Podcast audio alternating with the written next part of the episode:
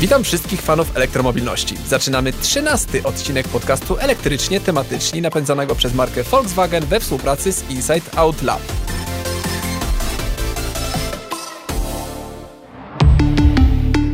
Dziś nasz podcast nagrywamy w trochę nietypowy sposób. W studio jestem tylko ja i mój gość. Nazywam się Paweł Pilarczyk, jestem redaktorem naczelnym serwisu IT Business. A moim gościem jest Michał Ignaszak, właściciel sieci salonów samochodów Volkswagen, Audi i Skoda w Kaliszu. Witam Cię, Michał. Witam serdecznie, dziękuję za zaproszenie. Bardzo miło. Też bardzo dziękujemy, że przyjąłeś zaproszenie do naszego studia. E, z nami wyjątkowo dzisiaj w studio nie ma Kasi Frendl, czyli szefowej Motokainy, która jest w podróży służbowej, ale z Kasią połączyliśmy się zdalnie, więc mamy nadzieję, że wszystko nam dzisiaj zadziała. Cześć Kasiu, czy nas słyszysz? Tak, słyszę Was bardzo dobrze i wyraźnie. Dzień dobry, cześć Michał, pozdrawiam Was z pięknych wzgórz dylewskich. Kasiu, naprawdę genialnie Cię słychać. Jestem zaskoczony, że nam udało się ogarnąć te wszystkie technologie. E, super. E, ja również. Do, dobrze, więc wracamy do naszego gościa i y, specjalisty. Tematem w ogóle naszego podcastu dzisiaj jest fotowoltaika. E, I oczywiście ten temat będziemy poruszać w kontekście elektromobilności, ale dlaczego właśnie tutaj powiedziałem, że e, Michał jest niezwykle istotny w tym temacie, ponieważ oprócz tego, że jest właścicielem sieci salonów sprzedaży samochodów, jest również wielkim fanem e, odnawialnych źródeł energii i fotowoltaiki w szczególności. Michał, ty zainstalowałeś właśnie takie panele fotowoltaiczne w swoich salonach. Czy możesz nam trochę więcej powiedzieć o tej realizacji? E, tak. E, zacząłem od inwestycji prywatnej. Ponad 3 lata temu e, przy budowie domu jednorodzinnego pomyślałem o tym, że faktycznie, ponieważ interesuję się różnymi nowościami technologicznymi, powinienem pomyśleć o nowych rodzajach energii, trochę o ekologii, trochę o wykorzystaniu właśnie takiej technologii. I po kilku latach, kiedy to sprawdziło się bardzo dobrze, podjąłem decyzję, że również we firmie warto zainwestować e, e, w fotowoltaikę. Tym bardziej, że jesteśmy na takim etapie zmian technologicznych. E, wchodzi właśnie elektromobilność, samochody elektryczne. No, sam jestem zaskoczony, że o tym dzisiaj tutaj mówię, bo 30 lat w motoryzacji, a rozmawiamy o energii elektrycznej. Z badania przeprowadzonego przez Insight Out Lab i Volkswagena na przełomie sierpnia i września wynika, że Polacy są bardzo optymistycznie nastawieni względem fotowoltaiki bo aż 57% ankietowanych zadeklarowało, że chciałoby zainstalować w swoim domu panele fotowoltaiczne, gdyby tylko mieli taką możliwość oczywiście. No i większość, czyli 65% kieruje się tu względami ekonomicznymi, czyli chciałaby obniżyć rachunki za prąd. W związku z tym e, pytanie pierwsze, jak to było w Twoim wypadku, Michał? Czemu w ogóle zdecydowałeś się na taką instalację? W moim przypadku było to połączenie ekonomii i oczywiście trochę e, przemyślanych decyzji dotyczących ekologii, czyli zmniejszenia emisji dwutlenku węgla, ale zaczynając od finansów, e, przede wszystkim e, musimy zdać sobie sprawę, że ceny energii, szczególnie w Polsce, rosną i rosnąć będą. Więc patrząc na inwestycje w instalację fotowoltaiczną, która w moim przypadku, w, w moich obliczeniach zwraca się po około 7 latach, jest to inwestycja e, nie tylko w w to, że przy dzisiejszych cenach energii ona się zwraca, ale e, mamy zapewnioną tą cenę energii na przynajmniej 25 lat bo mm, e, te panele fotowoltaiczne mają powiedzmy gwarancję już dzisiaj uzysku energetycznego e, przez 25 lat nie mniejszą niż 90%. To jest myślę, że bardzo istotny element. Ale jak to w ogóle obliczyłeś, że akurat przez 7 lat ci to się zwróci? Bo generalnie ja słyszałam też taką teorię, że aż 15 lat. Czy to w takim razie zależy od powierzchni, jaką pokryjemy tymi panelami? Myślę, że to zależy od tego yy, faktycznie, jak dużo energii wykorzystujemy. W moim przypadku te panele nie tylko zasilają dom w energię elektryczną, ale również w pompę ciepła, czyli mogłem również policzyć yy, jakby oszczędności na ogrzewaniu domu. Jest to instalacja 10 kW i taka instalacja w Polsce, w warunkach geograficznych, w jakich jesteśmy, generuje około 10 MWh energii elektrycznej rocznie. Czyli jeśli przyjmiemy pewne ceny energii dzisiejsze, 10 e, MW, to będzie przynajmniej te 6 tysięcy złotych oszczędności, które i tak wydałbym na energię elektryczną. E, a czy ty, Michał, jak instalowałeś taką, e, taką instalację fotowoltaiczną, e, również przygotowałeś wówczas pod, pod salonami też instalację do ładowania samochodów elektrycznych, czy rozdzieliłeś w ogóle sobie tą, te infrastruktury, czy te, te dwie inwestycje? E, zaczęliśmy faktycznie e, przed salonami naszymi od postawienia stacji ładowania, e, która jest przygotowana nawet do mocy 150 kW, myśląc o przyszłości.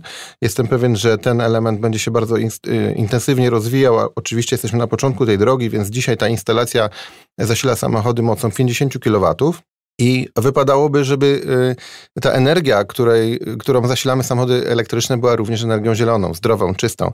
Więc y, w związku z ustawą, jaka jest dla przedsiębiorstw, że mikroinstalacja do 50 kW jest y, instalacją dosyć prosty sposób do zgłoszenia, do pobudowania, mm, ona generuje ponad też te 50 MWh e, energii rocznie, e, pokrywa zapotrzebowanie na e, ładowanie auta elektrycznego. Ona jest wpięta w naszej firmie w ten sposób, że wykorzystujemy ją, ten prąd generowany z naszej instalacji na bieżąco, a dodatkowe zapotrzebowanie oczywiście kupujemy z sieci energetycznej i udało nam się również też podpisać umowę na zieloną energię, więc jesteśmy dumni z tego, że ta energia w całości jest zielona, a szczególnie ta przez nas produkowana.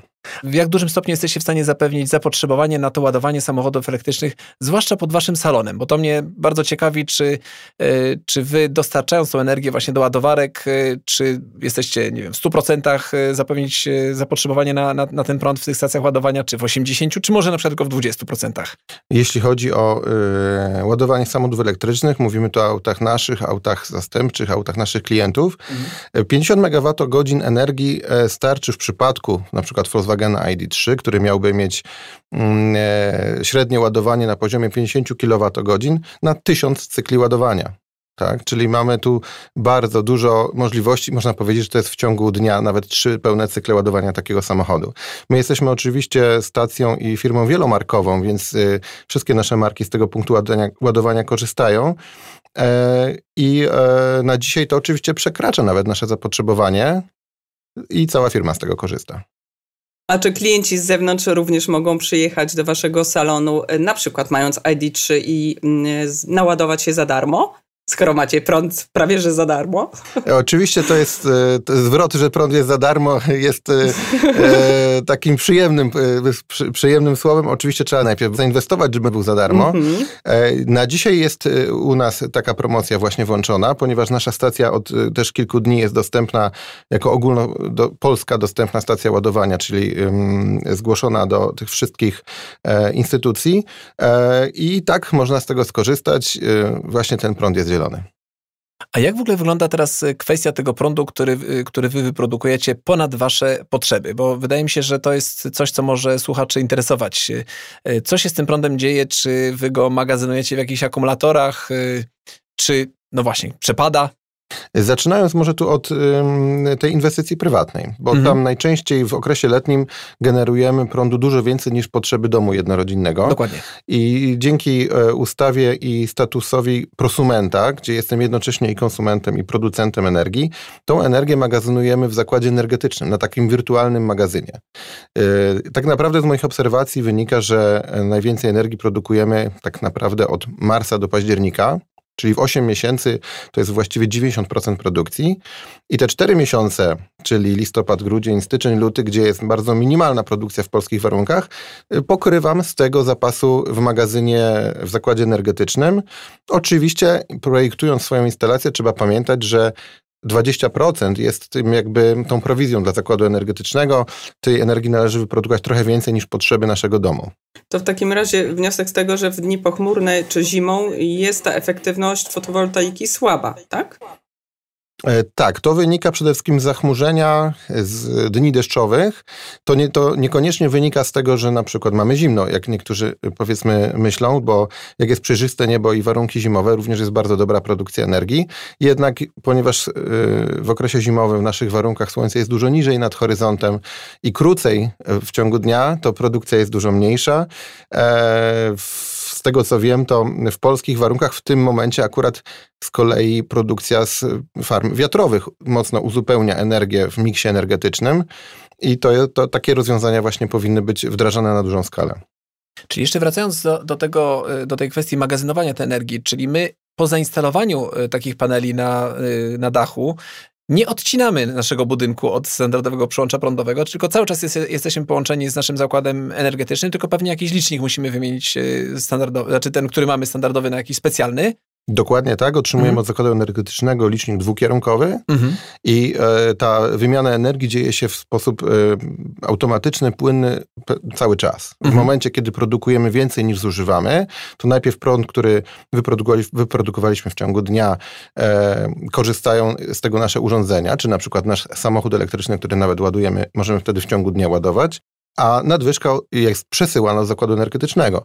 W nocy tak naprawdę już zaczynamy korzystać z tego magazynu, bo wiadomo, że niestety słońce wtedy nie świeci. Ile mhm. potrzebujemy paneli, żeby ładować samochód elektryczny y, w pełni z takiej instalacji? Załóżmy, że mam domek jednorodzinny, kupuję sobie właśnie taką nowinkę ID3, mm, czy Audi e-trona, czy Porsche Taycana i y, wyłącznie na te potrzeby potrzebuję tej energii, czyli po to, żeby mieć po prostu y, wallboxa i, i sobie ładować ten samochód y, właśnie z fotowoltaiki. Y, ile powinnam zainwestować i, i jaką powierzchnię, żeby właśnie taki jeden samochód w domu naładować? To jest bardzo dobre pytanie. Mówi się, że średnio dom jednorodzinny dla czteroosobowej rodziny potrzebuje instalacji dla samych potrzeb energetycznych około 5 kW. Tak? Taka mhm. instalacja może kosztować od 18 y, do 20 tysięcy złotych w cenach brutto, nie licząc w tym momencie żadnych dofinansowań czy, czy ulg związanych z programami państwowymi.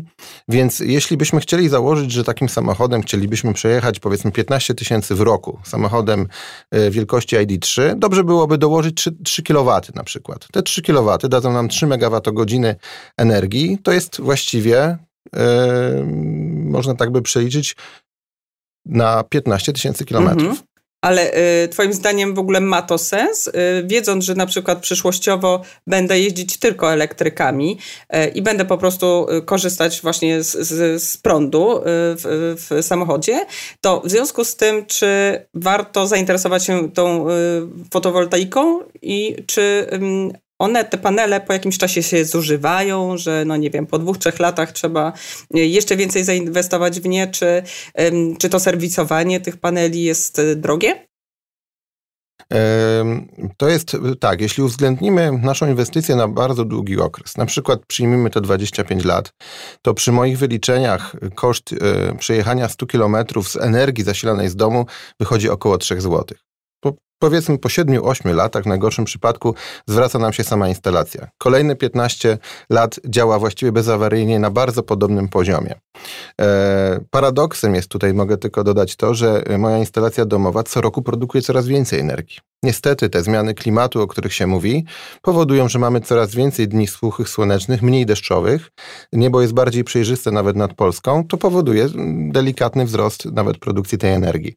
Więc jeśli ktoś planuje to na lata, taką inwestycję i, i korzystać z tych samochodów elektrycznych, szczególnie przy ładowaniu w domu, jest to bardzo dobry pomysł i z doświadczenia mojego i moich pierwszych klientów aut elektrycznych mm, takie, takie połączenie super działa w tej chwili. Paradoksalnie globalne ocieplenie jest tutaj sprzymierzeńcem takiej instalacji w tym momencie, tak? Dokładnie tak.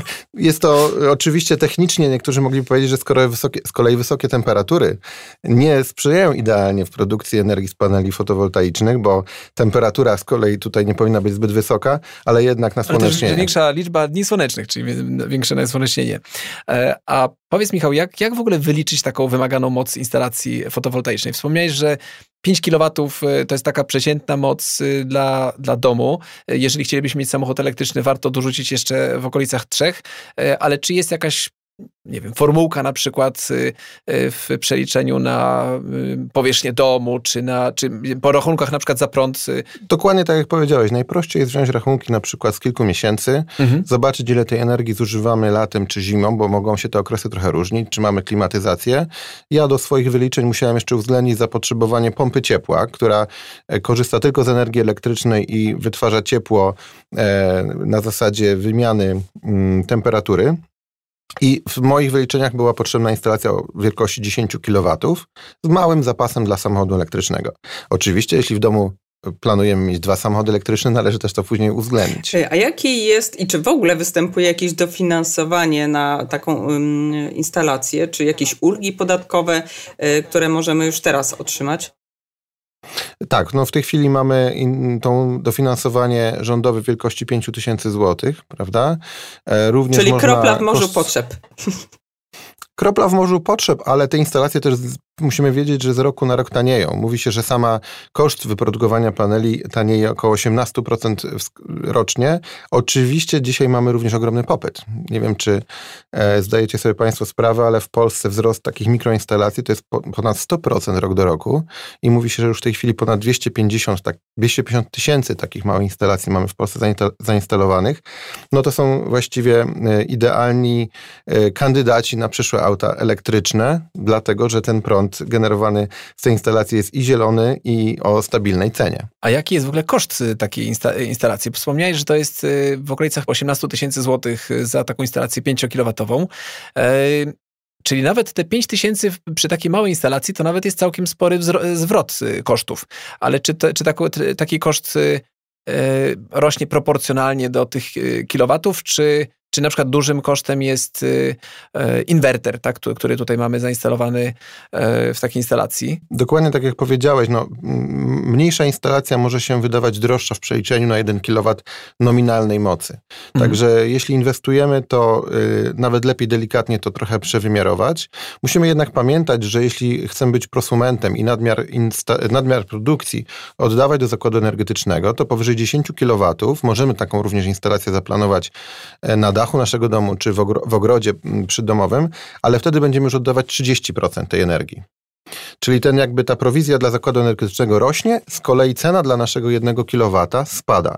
W przypadku naszej instalacji we firmie jest to 165 aż paneli fotowoltaicznych, które generują moc 50 kW przy tylko dwóch inwerterach. Także można powiedzieć, że to tak jak mm, przy masowej produkcji, im większa instalacja, tym tańsza, tańsza energia. Na co w takim razie zwracać uwagę zamawiając y, taką instalację? Załóżmy, że decyduje się e, zainstalować sobie takie panele. Mm, czy odrębnie muszę zatrudniać fachowców do, nie wiem, instalacji panelu, czy falowników, czy x tych akcesoriów, które są potrzebne do tej instalacji? Czy w ogóle musi to zrobić ekspert, czy da się samemu? Raczej z mojego doświadczenia wynika, że jeśli, jeśli chcemy zachować bezpieczeństwo i jakość tej instalacji, która ma jednak e, działać skutecznie przez e, dziesięciolecia tak naprawdę, to radziłbym wybierać firmy, które kompleksowo to projektują, przedstawią właściwy kosztorys, przedstawią kilka opcji do wyboru, zastosują dobre urządzenia. Cena takich instalacji od najtańszych do najdroższych może się różnić między 10 nawet a 20%. Ale są też technologie, które warto rozważyć, jeśli mamy bardzo skomplikowany dach. Na przykład tak jak w moim przypadku domu jednorodzinnego, panele leżą w czterech różnych płaszczyznach i nie zawsze zwróconych na południe. Jednak są technologie, które optymalizują wykorzystanie każdego z tych e, paneli, z tych ogniw i dzięki temu uzysk energetyczny jest na bardzo dobrym poziomie. To jest coś, co e, warto rozważyć. Oczywiście yy, kierować się opiniami, które użytkownicy w internecie zamieszczają po zainstalowaniu. A z, z, czego się w ogóle składa taka instalacja? Bo my tu wspomnieliśmy kilka, już, już takich haseł rzuciliśmy, ale się chyba zreflektowałem, że nie wyjaśniliśmy dokładnie, jakie to są elementy. Bo mamy te panele fotowoltaiczne, które są zainstalowane na dachu, ale mamy jeszcze jakieś elementy zainstalowane w domu, tak? Tak jest. Najważniejszym elementem, który generuje energię poprzez y, jakby y, odbiór tych fotonów ze słońca, to są panele fotowoltaiczne, które składają się z pojedynczych ogniw. One są wszystkie połączone ze sobą kablem fotowoltaicznym, którym płynie dosyć wysokie napięcie. To musi być dobrej jakości kabel, dlatego że y, w razie jakiejś ingerencji czy przebicia osoba będąca na dachu, w przypadku ingerencji, czy, czy, czy na przykład mm, jakiegoś zdarzenia może, może być poszkodowana, więc tu należy się kierować jakością. I i te wszystkie panele połączone szeregowo przesyłają prąd stały do naszego inwertera, urządzenia, którego zamienia na prąd przemienny i harmonizuje z siecią energetyczną, którą jest podłączony nasz dom pod właśnie ten licznik dwukierunkowy. To są główne, najważniejsze elementy całej instalacji. Dobrze oczywiście, jeśli wybierzemy inwerter, również podłączony do internetu, możemy wtedy monitorować o to na bieżąco. Zapytać, tak, tak, tak bo, jest. Bo wspomniałeś o tym y, mierzeniu y, poboru, czy, czy, generowania prądu na przestrzeni lat. Mówisz, że, że nawet nie tylko nie spada ten, y, ta ilość wygenerowanej energii przez ciebie, ile wzrasta i to ty, jak się domyślam, właśnie z poziomu aplikacji na smartfonie sobie takie, takie dane Dokładnie tak. Są aplikacje na smartfona, oczywiście przez przeglądarkę można swoje instalacje obserwować. Nawet można instalować takie technologie, które monitorują pracę każdego z tych paneli. Jeśli by powiedzmy jakiś uległ uszkodzeniu, czy niespodziewanemu zacienieniu z powodu yy, zabrudzenia jakiegoś nietypowego, wtedy widzimy, że jeden z elementów powiedzmy jest wadliwy, tak? I możemy szybciej zauważyć pewne zmiany. Czy warto w ogóle wykonać taką instalację o dwukrotnie wyższej mocy niż realnie potrzebujemy, tak wybiegając w przyszłość? Znaczy, jeśli planujemy dzisiaj instalację dla naszego domu jednorodzinnego, ale jeśli nie mamy auta elektrycznego, to warto pomyśleć o tym, żeby chociaż inwerter był trosze, troszeczkę mocniejszy, który będzie mógł przyjąć dołożenie później kolejnych paneli. To nie jest problemem, jeśli firma, która to robi, dołoży potem następne, tak? Czyli te kolejne 5 kW możemy nawet zrobić za kilka lat. Ważne, żeby już potem nie, nie inwestować ponownie na przykład w lepszy czy mocniejszy inwerter. Wkrótce skończy nam się po prostu y, powierzchnia dachu, jak tak będziemy będziemy dokładać i dokładać. Żartuję oczywiście, ale przy okazji e, designu, e, czy są takie panele, które nie oszpecą nam dachu, tylko są na przykład jakoś ukryte w dachówkach, po prostu, żeby to ładnie wyglądało? Są panele, które e, są wykonane już w różnej kolorystyce. E, na przykład e, ja skorzystałem z czarnych paneli z czarnym obramowaniem. Przy czarnej dachówce się dosyć dobrze komponują. Kolorystyka jest tutaj może nie aż tak szerokim wyborem, ale są również już technologie, na razie jeszcze troszeczkę droższe, które integrują panele razem z dachówką. Jest taka, jest taka możliwość. Ja właśnie tutaj chciałem też y, nawiązać do, do, do, tego pytania Kasi o, o ten design, bo rzeczywiście y, w przypadku niektórych dachów, y, ja mam na przykład dach z czerwoną dachówką i takie panele potencjalnie mi tutaj trochę oszpacy, oszpecą, nawet nie trochę, pewnie w moim przypadku pewnie nawet bardzo. Pokazywałem ci zdjęcie budynku, tak. więc rzeczywiście tam była bardzo, bardzo widoczna ta, ta instalacja. W związku z czym ja bym chętnie taką instalację zainstalował potencjalnie u siebie w ogródku, ale wtedy na przykład y, dzisiaj jeszcze te ulgi, znaczy właśnie, czy, czy ulga taka 5000 zł nawet wtedy, wtedy też obowiązuje, czy, czy jej nie ma i co na przykład z VAT-em? Bo z tego, co słyszałem, ale to chciałem, żebyś to właśnie potwierdził albo zaprzeczył, też jest, y, róż, różnie jest VAT liczony, zależnie od tego, gdzie jest instalacja y, takiej instalacji, takiej y, fotowoltaiki, czy to jest dach, czy to jest gdzieś taka instalacja gruntowa, to są różnice w kosztach jednak wtedy. E, tak, tu jeśli jesteśmy mm, inwestorem prywatnym, czyli osobą fizyczną, która inwestuje e, na swoim, w swoim gospodarstwie domowym, to wszystko, co założymy mm, na powierzchni domu, na powierzchni dachu jest objęte 8% VAT-em. No jeśli jednak e, postawimy tą instalację na terenie tego mm, przyleg przyległym terenie naszego domu, no faktycznie 23% VAT-u na, na dzisiaj jest liczone przy takich ofertach.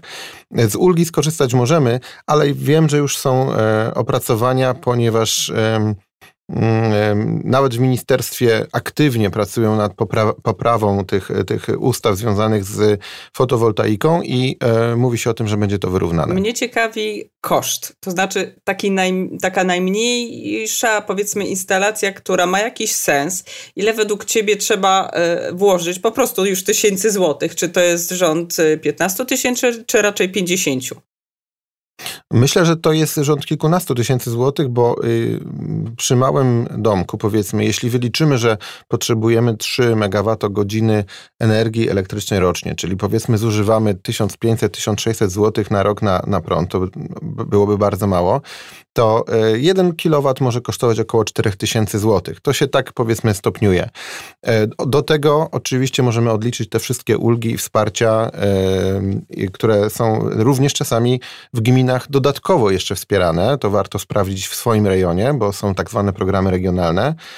I e, tego kosztu też nie musimy ponosić jednorazowo. Warto skorzystać z kredytów i zamiast płacić za prąd powiedzmy po 200-300 zł miesięcznie jak do tej pory, to wystarczy spłacić w ciągu kilku lat taką samą kwotą instalację i korzystać z niej kolejne 15-20 lat.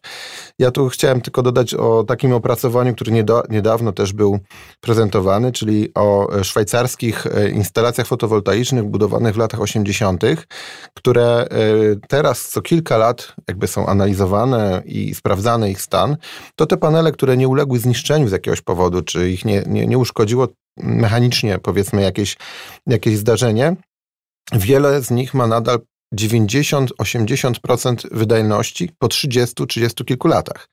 Więc e, myślę, że możemy spokojnie polegać nawet na tej gwarancji tych lepszych paneli, które of oferowane są w tej chwili na rynku i dają 25 lat na 90% Aha, uzysku. czyli jeszcze są lepsze i gorsze. Rozumiem, że to jest takie stopniowanie i y, są bardziej takie high-endowe, można powiedzieć, czyli coś z górnej półki i y, takie, które są zupełnie na początek przygody z fotowoltaiką. Tak mam to rozumieć? E, dobrze jest się wczytać w tak zwane karty produktu, czyli czy panele mają przede wszystkim najwyższą odporność na zdarzenia związane z gradem, e, z jakimiś elementami, które mogą uszkodzić szkło, którym są pokryte w najwyższym stopniu. Dobrze, jak mają to szkło, które mówi się o szkle samomyjącym, tak? Każdy deszcz ten panel oczyszcza z kurzu. Mówimy też o wyższej jakości inwerterów, które mają wyższą efektywność. I to wszystko składa się na to, że nasza instalacja będzie działać wiele lat niezawodnie. A jak y, trzeba w takim razie dbać o te panele, które mamy zainstalowane na dachu? Wspomniałeś, że jest y, szkło samozmywalne, ale czy powinienem raz na jakiś czas wejść na ten dach i jakimś mopem przetrzeć te, te panele, czy one są bezobsługowe raczej? One są właściwie bezobsługowe. Oczywiście co y, kilka lat y, powinno się wykonać powiedzmy przegląd takiej instalacji i zaprosić tą firmę, która namontowała, czy jakąś inną, która sprawdza jej stan. Y, jeśli mon monitorujemy jednak w aplikacji wszystko to, widzimy jakiekolwiek zmiany na bieżąco, y, mówi się o tym, że przy bardzo dużych farmach fotowoltaicznych mycie tych paneli co 5 lat jednak delikatnie podnosi ich efektywność, czyli zmywamy tą najgrubszą warstwę A kurzu. czy elektromobilność istotnie wpływa na prowadzenie takiego biznesu jak twój, czyli właśnie salon sprzedaży samochodów? O, to jest bardzo dobre pytanie i nie wiem, czy starczy nam czasu, żeby mógł na nie odpowiedzieć. Jesteśmy właściwie na początku gigantycznych zmian i e, myślę, że jeszcze wiele przed nami pytań bez odpowiedzi. Na pewno samochody elektryczne, moim zdaniem, jest to nie tyle trend, ale zmiana y, oczywista w najbliższych dziesięcioleciach ze względu na zmiany klimatyczne, ze, zmianu, ze względu na efektywność tych samochodów, na nawet jakość z nich jazdy i przyjemność, prawda? To też wielokrotnie poruszaliście w waszym podcaście, że te samochody po prostu nie tylko są ekologiczne, ale mają też dużo, dają dużo frajdy. W przypadku zakładu dealerskiego y, te zmiany nas na pewno dotkną w obszarze serwisu, Wiemy, że w tych samochodach jest dużo mniej elementów, które wymagają serwisowania. To jest bardzo dobre dla naszych klientów i konsumentów. My się jednak będziemy musieli przestawić na e, nowe, inne rozwiązania.